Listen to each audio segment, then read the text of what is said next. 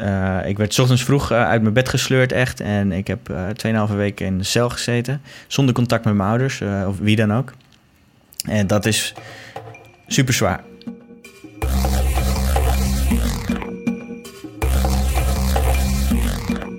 Welkom bij Cases, de podcast van Deloitte en Dag en Nacht Media... die laat zien hoe onze wereld verandert door technologie. Dit is aflevering 3 over cybersecurity. De vorige afleveringen gingen over hacks en de impact daarvan op slachtoffers. In deze aflevering kijken we naar hackers zelf. Wat voor mensen zijn dit? Het zijn vaak mensen met een voorkeur voor IT, uh, eh, hobbyisten. Heel vaak jongens die zichzelf heel veel hebben aangeleerd. Wat is ethisch hacken? En wat doe je als een jonge hacker toch de fout ingaat? Het kan zijn dat je gewoon zonder straf de deur uitloopt. En het kan zijn dat je zes jaar lang gevangenisstraf krijgt. Mijn naam is Eva de Valk en dit is aflevering 3 van Cases. Ik stuitte op het Twitter-account Cyberstokfoto's, dat vol staat met hilarische stokfoto's van hackers. Denk aan mannen met bivakmutsen achter computers, pistolen gericht op het toetsenbord en schermen vol met groene enen en nullen. Het is belangrijk om voorbij zulke clichés te gaan om te begrijpen wat voor mensen hackers zijn. Hackers zijn mensen die op onorthodoxe manieren omgaan met technologie. Ze willen begrijpen hoe de technologie in elkaar zit en proberen dingen uit. Een hacker is niet hetzelfde als een cybercrimineel. Sterker nog, de politie heeft hackers hard nodig, net als de opsporingsdiensten en het bedrijfsleven. Alleen door te onderzoeken wat de zwakke plekken zijn, kun je de beveiliging verbeteren en cybercriminelen te slim af zijn.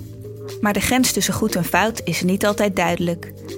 Ergens inbreken terwijl je veilig achter je computer zit, voelt toch anders dan een fysieke inbraak. Wij willen weten hoe hou je hackers op het rechte pad. Uh, ik werd s ochtends vroeg uh, uit mijn bed gesleurd echt. En ik heb uh, 2,5 weken in de cel gezeten. Zonder contact met mijn ouders of wie dan ook. Dit is Ricky Gevers. Hij is een bekende cybersecurity expert en geeft in de media regelmatig commentaar op cybersecurity kwesties. Hij kwam ook aan het woord in de eerste aflevering van deze podcast over een klein bedrijf uit Goes dat gehackt werd. Ricky werkt bij Red Sox Security om bedrijven te helpen die slachtoffer zijn geworden van een cyberaanval. De positie die Gevers heeft verworven als helpende hacker is niet vanzelfsprekend. Tien jaar geleden bracht een hack hem in grote problemen. Gevers is een voorbeeld van een hacker die van het rechte pad raakt. En ook dat het niet altijd duidelijk is wat het rechte pad dan is. Hij praat niet graag meer over wat hem overkomen is. Liever zegt hij vooruit te kijken. Maar hij kan er wel heel goed over vertellen. Dus we zijn blij dat hij met ons nog één keer wilde terugblikken. Gevers begint als zoveel hackers. Hij heeft al jong toegang tot een computer en is erg geïnteresseerd in alles dat aan techniek gerelateerd is. Op een dag loopt hij, laten we zeggen, een hackerstrauma op. Ik was een van de eerste in Nederland die ervoor veroordeeld zou worden. En eh, mijn advocaat zei toen ook van ja, het kan zijn dat je gewoon zonder straf de deur uitloopt. En het kan zijn dat je zes jaar lang gevangenisstraf krijgt. Ik had op een gegeven moment een website gebouwd en die website is toen gehackt. En ik voelde me, voelde me totaal machteloos. Ja, dat gevoel, ik had echt zoiets van dat wil ik nooit meer voelen. Dus toen ben ik me erin gaan verdiepen van hoe werkt het nou? En pas op het moment, met de gedachte zeg maar van, uh, als, op het moment dat je weet hoe het werkt, dan kan je er ook tegen beschermen. Wat voor website had je? Uh, website over vogels, waarneming.nl. Uh, dan kan je, als je een vogel gezien hebt, kan je die daar uh, invoeren. Oh. En ja, super mooie website. Die website staat nog steeds. we werken mensen vol tijd nu aan. En uh, nou ja, die werd gehackt. Dus toen hadden ze het plaatje vervangen. Ook echt zoiets heel stoms en lulligs. En toen had ik het weer teruggezet. En vijf minuten later hadden ze het weer gehackt. Ze hadden de vogel vervangen voor wat? Ja, ze hadden de, de, de homepagina. Daar hadden ze een, een of ander raar plaatje. Ik weet niet eens meer wat het was. Maar hadden ze een raar plaatje neergezet. Zodat de website het dus niet deed. Ja. Toen had ik dat plaatje weggehaald. Zodat de website weer deed. En een uurtje later hadden ze weer dat plaatje teruggezet. Dus ah, echt heel machteloos voelde ik me. Heel vervelend is dat. Je werd genaaid. Ja, zo zou je het kunnen noemen, ja. En hoe oud was je toen? Ik denk dat ik toen 11 was, zoiets. Oh. oh. Nou zeg. Ja.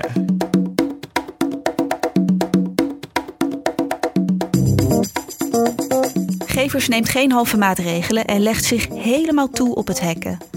In de daaropvolgende jaren leest hij alles wat los en vast zit, om te zorgen dat hij niet weer gehackt wordt. Tot hij een jaar of 17, 18 is. Op een gegeven moment wist ik de theorie. Dus dan weet je hoe het hacken in elkaar uh, zit. Uh, maar de theorie is echt iets heel anders dan de praktijk. Dus toen dacht ik, nou, dan wil ik ook eventjes testen in de praktijk hoe dat werkt. En ik weet nog heel goed dat toen ging ik een, Spaanse computer hacken. En toen had ik die gehackt. En toen dacht ik letterlijk bij mezelf, ja, en nu? Wat moet ik er nou mee doen nu ik hem gehackt heb? Toevallig was het een Spaans. Er is geen enkele reden dat ik de, de Spaanse computer had uitgekozen. Maar toevallig was dat een Spaanse computer. En die had ik toen gehackt en dat was het. En toen dacht ik, nou ja, nu heb ik een Spaanse computer gehackt, maar nu wil ik ook weten hoe je andere computers kan hacken. En zo ben ik daarin verder gegaan. Gevers leert hoe je exploits moet schrijven, stukjes code waarmee je gebruik maakt van kwetsbaarheid in systemen. Hij probeert computers binnen te dringen en doet vervolgens niets. Hij wil alleen kijken of hij kan binnenkomen. Vaak probeert hij dat met Amerikaanse computers. Die zijn in die tijd vaak slechter beveiligd dan Nederlandse computers en het voelt ook verder weg, dus veiliger. Zo gebeurt het dat Ricky Gevers een keer binnendringt op de servers van de Universiteit van Michigan. En nu was het zo bij Michigan uh, dat ze het netwerk heel goed in de gaten houden. En ik had blijkbaar een hele belangrijke server daar gehackt, wat alle alarmbellen zeg maar, daar uh, heeft doen afgaan. Uh, ik deed verder geen moeite om mijn identiteit te verbergen hoor. Dus ik zat gewoon vanuit huis dat, dat uit te voeren. En mijn gedachte daarachter was dat ik toch niks kapot maakte. Ik steelde ook geen gegevens, was ik ook helemaal niet in geïnteresseerd. En uh, ik had zoiets, ja, ik doe niks verkeerd in feite daar. Behalve dan dat ik zo'n systeem natuurlijk uh, betreed. Um, dus de kans dat ze mij opsporen, die, uh, die zal wel... In die tijd werden mensen ook nog niet voor hekken opgepakt. Dus dat zal wel loslopen allemaal. Nou, dat, dat was uiteindelijk niet zo. De Universiteit van Michigan heeft dus aangifte gedaan bij de FBI, omdat het zo'n belangrijke server dus was. En het was geloof ik een server die alle gegevens van alle studenten van de Universiteit van Michigan uh, bijhield. Dus ik denk dat ze het idee hadden dat er iets groters achter zat. In Michigan schikken ze zich een ongeluk. Wat Gevers zelf ziet als een beetje kattenkwaad, wordt door de universiteit beschouwd als een serieuze aanval. De Universiteit van Michigan neemt contact op met de FBI, die een onderzoek start. Uh, maar het onderzoek heeft dus al vrij snel uitgewezen dat het niet zo was. En volgens mij hebben ze het meer als formaliteit, maar gewoon afgerond. Zo van ja, we hebben nu energie en tijd hierin gestoken. Nou, dan moeten we ook maar iemand uh, ervoor op laten pakken.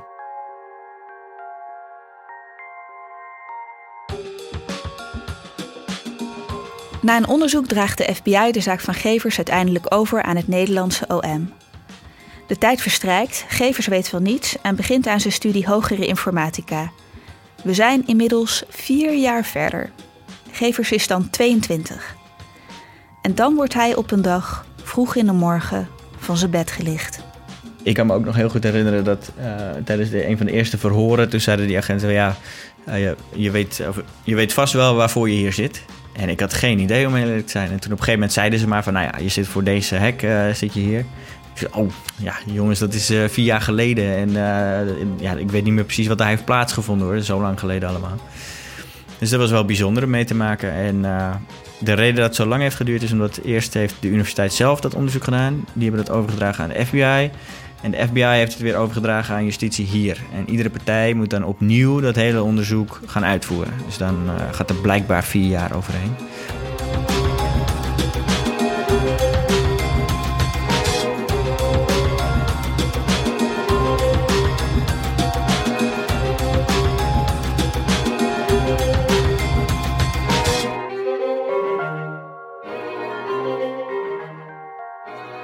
In de tijd dat Gevers wordt opgepakt, tien jaar geleden, is er nauwelijks jurisprudentie op het gebied van cybercriminaliteit. Maar inmiddels heeft de politie, samen met het OM en het bedrijfsleven, een andere aanpak ontwikkeld voor jonge hackers die de fout zijn ingegaan. Om te weten wat er met hen gebeurt, bezoeken we het team High Tech Crime van de politie in Driebergen. Mijn naam is Floor Jansen. Ik ben adviseur van het team High Crime van de Landelijke Recherche. Ik hoop dat ik goed verstaanbaar ben, want ik ben eh, vanochtend een beetje verkouden wakker geworden. Team High Crime zit in Driebergen, op een grote campus van de Nationale Politie. Floor Jansen is betrokken bij het programma HackRide. Een pilot van verschillende partijen. Politie, OM, reclassering, HALT, ethische hackers en het bedrijfsleven. HackRide is een soort halt voor jonge hackers. HackRide is een alternatieve interventie. Die kan worden opgelegd aan jonge hackers tussen de 12 en 23 jaar. Die voor het eerst een cybercrime delict hebben gepleegd. Jongeren tussen de 12 en 23 jaar. Dat is heel jong. Toen ik 12 was, was ik meer geïnteresseerd in de Backstreet Boys. Oké, en Nirvana. Maar de wereld van 12-jarigen nu is heel anders dan 20 jaar geleden. We zien dus aan de ene kant dat uh, daders veel jonger zijn, steeds jonger lijken te worden ook. Um, een dader die wij aanhouden voor een ernstig delict in georganiseerd verband kan zomaar 11, 14, 16 zijn. Uh, we zien ook dat het aantal jongeren dat cybercrime delicten pleegt heel snel toeneemt. Het zich vertienvoudigt in ongeveer acht jaar. Dus, eh, dus, we zien dat de urgentie eigenlijk steeds groter wordt. Het probleem wordt steeds duidelijker. Als politie zijn we natuurlijk ook steeds meer cybercrime zaken gaan opsporen. Um, dus het probleem wordt steeds beter eigenlijk in kaart gebracht. En daarom zien we dat de, zeg maar, de urgentie en de omvang van het probleem nemen toe. Het zijn vaak mensen met een voorkeur voor IT. Nou, dat zou je niks verbazen. Uh, hobbyisten. Heel vaak jongens die zichzelf heel veel hebben aangeleerd. Als ze wat ouder zijn, doen ze soms ook al wel een opleiding in IT. Dus ze hebben daar interesse in. Ze hebben zich daar heel erg zelf in doorontwikkeld. Um, ze weten er soms heel veel van. En soms hebben ze nog maar net komen kijken. Maar wat we zien is dat ze aan de ene kant wel heel veel skills hebben ontwikkeld. Terwijl eigenlijk een besef van wat kan je hiermee, wat mag je ermee, uh, wat is eigenlijk toegestaan, dat dat zich nog helemaal niet heeft doorontwikkeld. En dan worden ze vaak ook heel erg weinig in begeleid. Want als jij 15 bent en je bent hiermee bezig, uh, ja, met wie praat je hier dan over? Je snapt je ouders wel wat je aan het doen bent? Zien die überhaupt wat je doet? Uh, docenten zien die wat je doet, snappen die wat je doet. Eigenlijk worden deze jongeren ook helemaal niet gecorrigeerd. Want als je 15 bent en je besluit in de supermarkt om zeg een paar Red Bull en een frikandellenbroodje te stelen. Nou, dan komt de politie erbij, een wijkagent, of in ieder geval de eigenaar van de winkel, misschien je ouders. En uh, die zeggen dat mag je niet doen. Dit is niet oké. Okay. Als je spijbelt van school, dan word je daarvan, uh, worden die ouders ervan op de hoogte gesteld. Al dat soort momenten missen deze jongeren omdat zij um, gewoon braaf thuis zitten. Die ouders die zijn al lang blij dat ze op een zolderkamertje geen ellende uit zitten te halen. Weten die ouders veel. Docenten uh, nou, zien dat de jongeren prima meekomen op school. Dus die bijsturingsmomenten die vinden gewoon überhaupt die plaats. En uh, in een ideale wereld zouden die bijsturingsmomenten natuurlijk al plaatsvinden voordat deze jongeren met justitie in aanraking komen. En dus we zouden het heel goed vinden als, als ouders veel meer in gesprek zouden zijn met hun kinderen over wat doe je eigenlijk online wat voer je er eigenlijk uit? En als er op scholen meer aandacht voor zou zijn. Als ze bij ons komen is het natuurlijk eigenlijk al best wel laat. En daarom kijken we naar wat kunnen we op dit moment het beste doen om ze bij te sturen. En om ze eigenlijk weer terug te brengen op het rechte pad. Bedrijven hebben steeds vaker te maken met cybercrime. Dus ze hebben hackers nodig om zichzelf te beschermen. Dan gaat het om zogeheten ethische hackers, die zich juist willen inzetten voor een veiligere cyberomgeving. Hackers kunnen zich via zogenaamde responsible disclosure informeren hoe ze bij bedrijven op verantwoordelijke wijze een kwetsbaarheid kunnen doorgeven.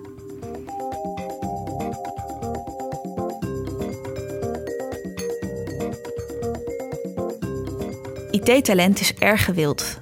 En dat is vaak het dubbele aan hackers die tegen de lamp lopen. Ze kunnen potentieel grote problemen veroorzaken, maar als ze het licht zien, kunnen ze ook hele grote problemen helpen oplossen. Ook Deloitte heeft ethische hackers in dienst. Ja, hoe, hoe, wij proberen goede ethische hackers te vinden is, is uh, ja, ik denk eigenlijk een combinatie van dat we mensen zoeken die aan de ene kant goede technische kennis hebben, want ja, dat is, dat is toch in veel gevallen de basis. Um, maar die dat combineren met een hele uh, ja, onderzoekende, uh, ja, misschien wel criminal mindset zou je eens kunnen zeggen. In ieder geval kunnen denken zoals een, een, een kwaadwillende zou, zou denken. Dit is Jelle Niemands Verdriet. Je hoorde hem al in de vorige aflevering. Jelle Niemands Verdriet is binnen het cyberteam van Deloitte verantwoordelijk voor een team dat detectie- en responsdiensten levert. Dus die eigenlijk altijd aan het nadenken zijn van goh, ik. Uh, en dat is natuurlijk eigenlijk ook de definitie van, van hacking, is iets op een andere manier gebruiken dan hoe het bedoeld is. Dus die eigenlijk bij alles wat ze zien en doen, en dat is, kan in de digitale en soms ook in de echte wereld zijn, eigenlijk altijd nadenken van... hey, iemand heeft wel bedacht dat, we, um, dat ik hier uh, een, een, getalletje moest invoeren. Maar wat als ik hier nou een letter invoer? Of wat als ik hier nou uh, een miljoen letters invoer? Of een miljoen getallen? Of ja, die, die eigenlijk continu op die manier naar dingen en systemen aan het kijken is. Um, en wat, wat we daarnaast proberen in, in de recruitment is te zorgen dat we uh, ja, ook, ook een, een hele leuke omgeving kunnen bieden waar dat soort mensen graag willen werken. Dus ja, ze kunnen ook vervolgens, uh, vaak zijn er mensen die dit een interessant, die dit bijvoorbeeld al interessant vinden, maar er nog helemaal niet zoveel ervaring mee hebben. Um, ja, bij ons kun je dit dus echt leren en kun je met een aantal hele goede uh, ethische hackers kun je samenwerken.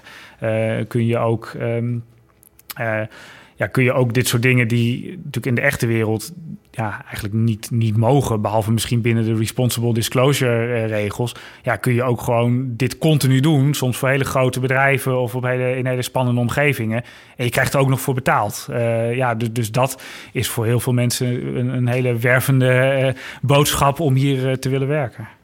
Bij Deloitte staat de deur dus open voor hackers met een criminal mindset, zolang deze maar wordt ingezet voor de goede zaak deed heel veel met, met roeien en met schrijven van software voor roeiwedstrijden. Ja, niet het meest sexy onderwerp alle tijden, maar er waren een aantal andere roeiverenigingen die dat ook deden. En nou ja, dan op, op een gegeven moment ook elkaar een beetje bestoken met uh, uh, kwetsbaarheden die je dan in, in de andere software gevonden had, zodat je op hun wedstrijd de naam van jouw vereniging erop kon zetten. Nou ja, goed. Uh, vanuit die gedachte langzaam maar zeker wat in die manier van denken gekomen. En toen via een, uh, eigenlijk via een, radio-interview met Ronald Prins uh, toen ooit bij Fox gekomen. Dat ik dat hoorde toen zij net Fox Crypto hadden overgenomen.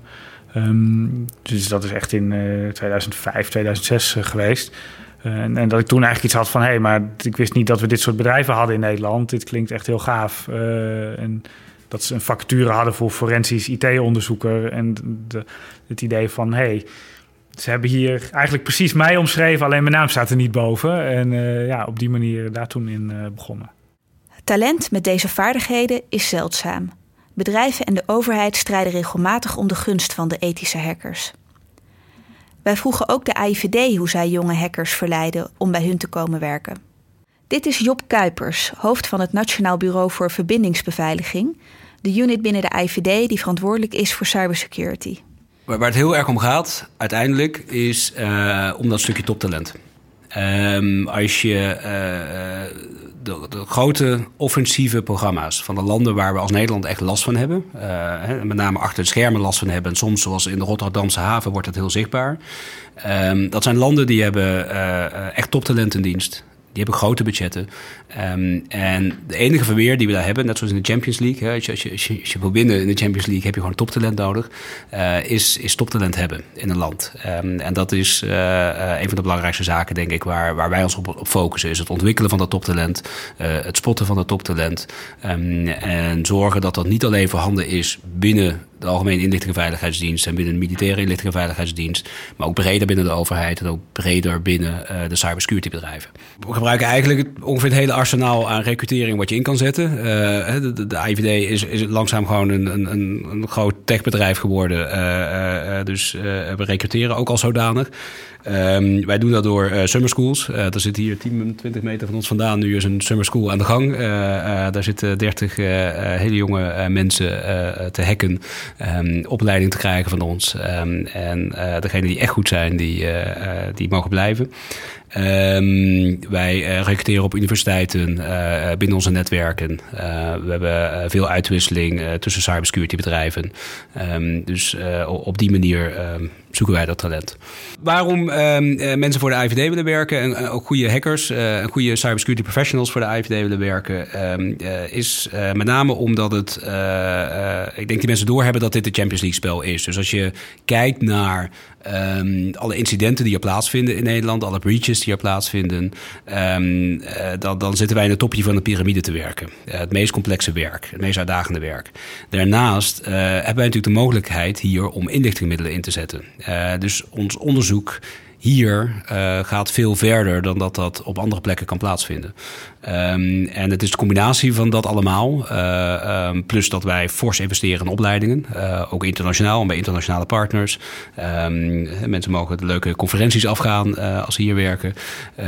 dus dat alles maar bij elkaar denk ik dat we een interessante werkgever zijn. ook voor de toptalent.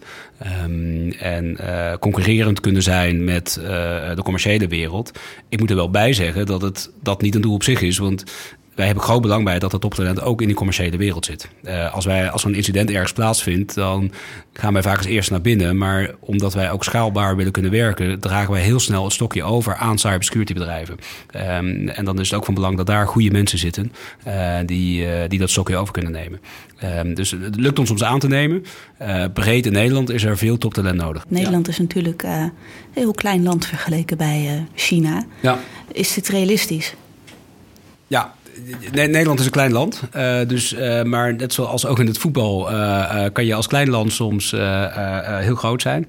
Um, en ik denk dat dat op cybersecurity, dit jaar is niet het beste voorbeeld, maar er zijn jaren waar dat lukt. Anders wel in de hockey of een andere sport. Um, nee, dus het kan. we hebben, er zijn in Nederland goede opleidingen en er veel talent aanwezig. Um, maar het is een constante uitdaging. en je merkt wel dat we echt op de randen zitten van wat we allemaal nodig hebben. Um, uh, dus alle toptalent wordt inmiddels volgens mij wel uitbenut in Nederland. Um, maar eh, uiteindelijk is net als voetbal, je hoeft niet het grootste land te zijn om de beste mensen te hebben. Uh, en ook bij de grote landen weten wij, gaat het uiteindelijk vaak maar om een kleine club mensen, wat de absolute top is. Um, wat voor ons ook de echte dreiging is. En ook die in die landen de echte verdediging is. Dus het is niet per se dat omvang, size doesn't matter zouden de Britten zeggen. Is het een probleem als iemand een keer heeft ingebroken uh, of iets heeft gedaan in het digitale domein dat eigenlijk niet mag? Ik denk ook binnen de inlichting en veiligheidsdiensten um, uh, en denk ook in de politiewereld natuurlijk altijd wel een beetje het idee staat: je hebt boeven nodig om boeven te vangen. Um, je, je moet behoorlijk creatief zijn en je moet op dat level mee kunnen spelen als waar die hele slimme jongens en meisjes die in Rusland of in China of in Iran zitten en die hier proberen binnen te komen. Uh, je moet wel op dat level mee kunnen denken. Bij recrutering geldt dat je, je kijkt echt per individu naar um, wil je een persoon hebben? Uh, voldoet hij aan bepaalde voorwaarden?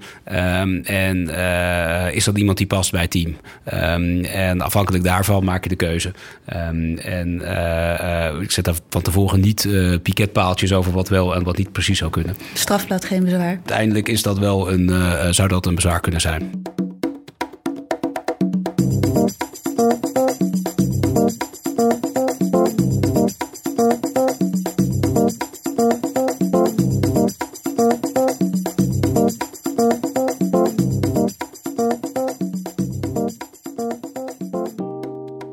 Het bedrijfsleven, de politie en opsporingsdiensten. Allemaal staan ze te springen om kundige hackers. Een goede hacker kan een glansrijke carrière tegemoet zien, maar met een strafblad zijn de perspectieven een stuk minder gunstig. Het grootste probleem is dat jonge hackers gewoon niet weten wat wel en niet mag. Waarom mag iets wel, waarom mag iets niet? Wat gebeurt er eigenlijk als je hackt? Wat doet dat met het slachtoffer? Wat voor schade ontstaat daar? Je merkt dat de jongeren vaak dat helemaal niet doorhebben. Het, uh, het heet ook het online disinhibitie-effect. Wat eigenlijk gewoon betekent dat als je iets online doet, dat je de gevolgen daarvan niet direct ziet. Dus je kunt uh, iemand hacken of je kan iemands bankrekening plunderen. En eigenlijk voor jouw gevoel als dader verander je gewoon een nulletje in een eentje.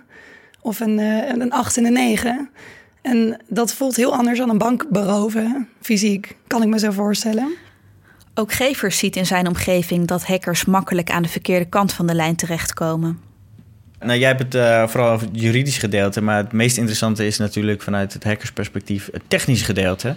Uh, de theorie is namelijk heel anders dan de praktijk. En de praktijk leer je maar op één manier en dat is het daadwerkelijk uitvoeren. En ik vind het zelf altijd heel bijzonder binnen mijn vakgebied. Uh, ik kom openlijk vooruit. Uh, en dat, of tenminste wat ik gedaan heb. En ik denk dat meer dan de helft van de mensen in mijn vakgebied datzelfde hebben uitgevoerd. Uh, alleen die komen daar niet openlijk, uh, open en eerlijk vooruit. Ik weet het bijvoorbeeld persoonlijk van heel veel mensen. Heel veel mensen komen dan ook naar mij toe en die zeggen dan van ja, ik, ik heb het ook wel eens gedaan, weet je, dat soort uh, verhaaltjes. Oh.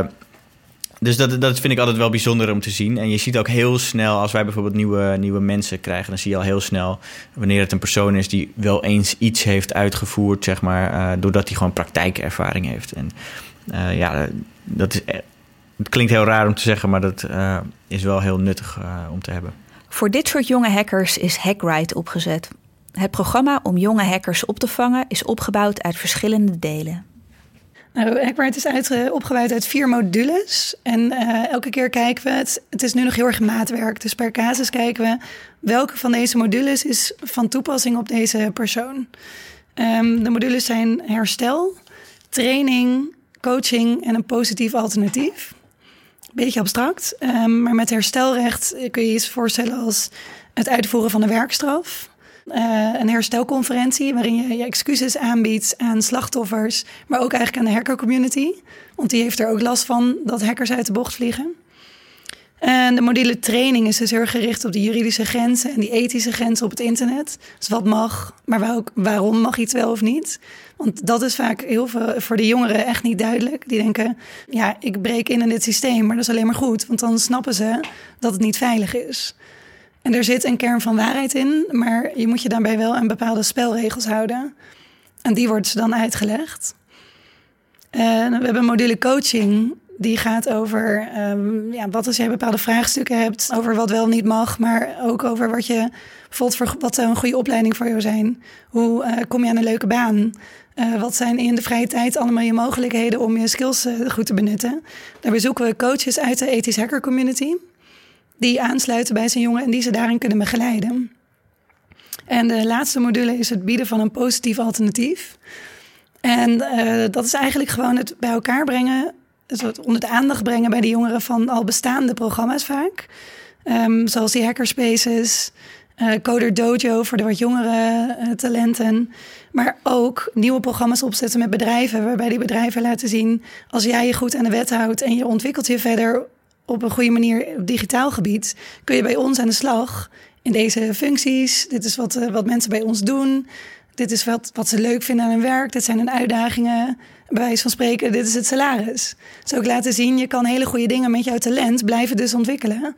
Maar zorg dat je niet met een strafblad eindigt. We gaan terug naar Gevers. Hij wordt uiteindelijk, jaren nadat hij inbrak op de service van de Universiteit van Michigan, veroordeeld. Mijn straf is uh, uiteindelijk 2,5 week uh, gevangenisstraf geweest en uh, twee maanden voorwaardelijk. Dus mocht ik ooit nog in vijf jaar tijd de fout ingaan, uh, dan zou ik twee maanden, direct twee maanden de cel in moeten. Uh, maar ik ben wel veroordeeld voor een deelname aan een criminele organisatie en dat is een heel heftig artikel. En dat zorgt ervoor dat ik uh, een heleboel carrièrepaden die ik eventueel zou willen doen, niet meer zou kunnen. Ja, ik zat op een forum en dat hebben ze heel nifty heeft het OM heeft dat gespeeld. Uh, om te voldoen aan deelname aan een criminele organisatie moet je voldoen aan een aantal uh, regeltjes. En eentje daarvan is dat je in een afgesloten ruimte moet communiceren uh, met geselecteerde personen. En wij hadden dus een forum en dat forum was enkel toegankelijk met een wachtwoord. En daar praten wij over hacken met een geselecteerd gezelschap. Nu er jurisprudentie omtrent dit gedeelte is, kan dit middel heel makkelijk worden ingezet. En het voordeel van dit middel is dat je heel veel aanvullende opsporingsbevoegdheden krijgt. En dat maakt het voor het OM makkelijker om hackers op te sporen. Uh, dus dat is de reden geweest dat het OM dit heeft ingezet om te verkennen eigenlijk of dit, of om, om te toetsen of dit middel uh, geaccepteerd zou worden door de rechters. Nou, dat is geaccepteerd nu. En ik geloof dat er niemand is die veroordeeld is voor deelname aan een criminele organisatie die vervolgens alleen maar voorwaardelijk heeft gekregen. In de regel wordt het eigenlijk alleen maar bij georganiseerde drugsdelicten of, of misdaad gebruikt.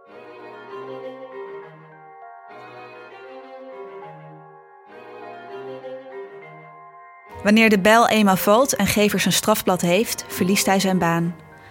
Dat was misschien wel de hardste klap, vertelt Gevers ons. Hij moest weer onderaan de ladder beginnen. Dat strafblad heeft hij nu nog steeds, maar hij komt uit het dal. Op dit moment is Gevers werkzaam als expert bij IT-bedrijf Red Sox Cybersecurity. Ik heb me echt terug moeten knokken. En dat heb ik gedaan door uh, mijn kennis uh, voornamelijk laten te zien, of te laten zien. En heel veel de media ook opzoeken om, uh, om, ja, om dat te portretteren eigenlijk. dus zorgen dat ik overal genoeg kennis van heb en eventueel zou kunnen helpen bij grote problemen. En dat heeft heel lang geduurd voordat de eerste geïnteresseerde partijen zich zeg maar, uh, daarmee gingen bemoeien en zich om die reden kwamen melden. Maar het is een hele mindset die ik met mezelf heb moeten afspreken in feite. En waar ik me heel gestructureerd aan heb gehouden. En dat hield echt in dat ik gewoon om de x aantal dagen een blogpost schreef over een heel belangrijk onderwerp. En dan wel op zo'n manier ingestoken dat andere personen het ook echt daadwerkelijk interessant vonden. Dus dat het gelezen wordt. En dat, op een gegeven moment heeft dat, is dat succesvol geworden. Wat vooral opvalt in de gesprekken voor deze aflevering is hoe snel iedereen zich aanpast aan een nieuwe wereld. Van de zomerschool van de AIVD en een heropvoedingsprogramma bij de politie tot bedrijven die ethische hackers in dienst nemen.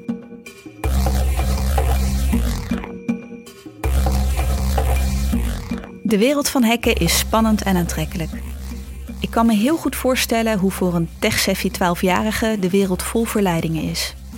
Je kunt in de gevangenis belanden of het land redden. Het is aan bedrijven en overheden om te laten zien dat ethische hackers met open armen worden ontvangen. Dit was het, de derde aflevering van Cases. Abonneren op deze podcast kan via iTunes en Spotify, of natuurlijk via je favoriete podcast-app. Laat ons weten wat je van de podcast vindt in de reviews van iTunes of via Twitter, waar ik te vinden ben via Eva. Deze podcast wordt gemaakt door Dag en Nacht Media en Deloitte. Met dank aan onze redactie, Tim de Gier en Pieter Munnik. Tot de volgende keer bij Cases.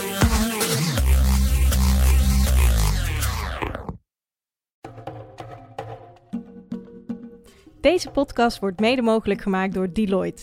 Tijdens het maken van deze serie zagen we hoeveel bijzondere projecten er bij Deloitte worden ondernomen, onder meer op het gebied van artificial intelligence. Ben jij daar nou ook in geïnteresseerd? Ga dan naar werkenbijdeloitte.nl. Daar vind je actuele vacatures voor studenten, starters en professionals. Wil je data scientist worden of consultant op het gebied van machine learning of data visualization? Kijk dan eens op werkenbijdeloitte.nl.